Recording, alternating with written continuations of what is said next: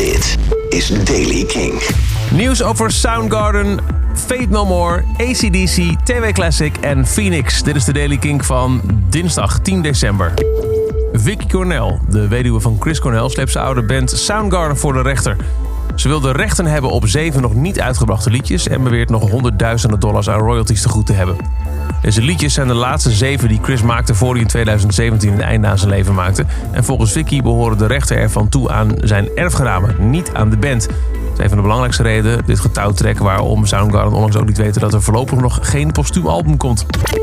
De vierde en laatste headliner voor de Graspop Metal Meeting is er. Na Aerosmith, Iron Maiden en Judas Priest is ook Fate No More toegevoegd aan het lijstje headliners. Zij sluiten de mainstage af op de vrijdag. De originele leden van ACDC staan weer met elkaar in de studio. Dat heeft de zanger van Twisted Sister, Dee Snyder, laten weten via Twitter. Niet alleen met Brian Johnson, maar ook met het neefje van de overleden Malcolm Young. Hij speelt gitaar op het album en er zullen ook opnames van Malcolm Young op te horen zullen zijn. Brian Johnson moest de band verlaten tijdens de Rock or Bust World Tour wegens gehoorproblemen. Hij werd toen vervangen door Axel Rose, maar nu is er dus als band weer gewoon een nieuw album in de maak. Goed nieuws nog meer over ACDC. Hun 1980 album Back in Black is door de Recording Industry Association of America uitgeroepen tot 25 keer platina. Dat maakt het het op drie na best verkochte album in Amerika alle tijden. Met slechts Their Greatest Hits van de Eagles, Thriller van Michael Jackson en Hotel California van de Eagles daarboven. Wereldwijd heeft Back in Black naar schatting zo'n 50 miljoen exemplaren verkocht. En is daarmee na Thriller het best verkochte album alle tijden.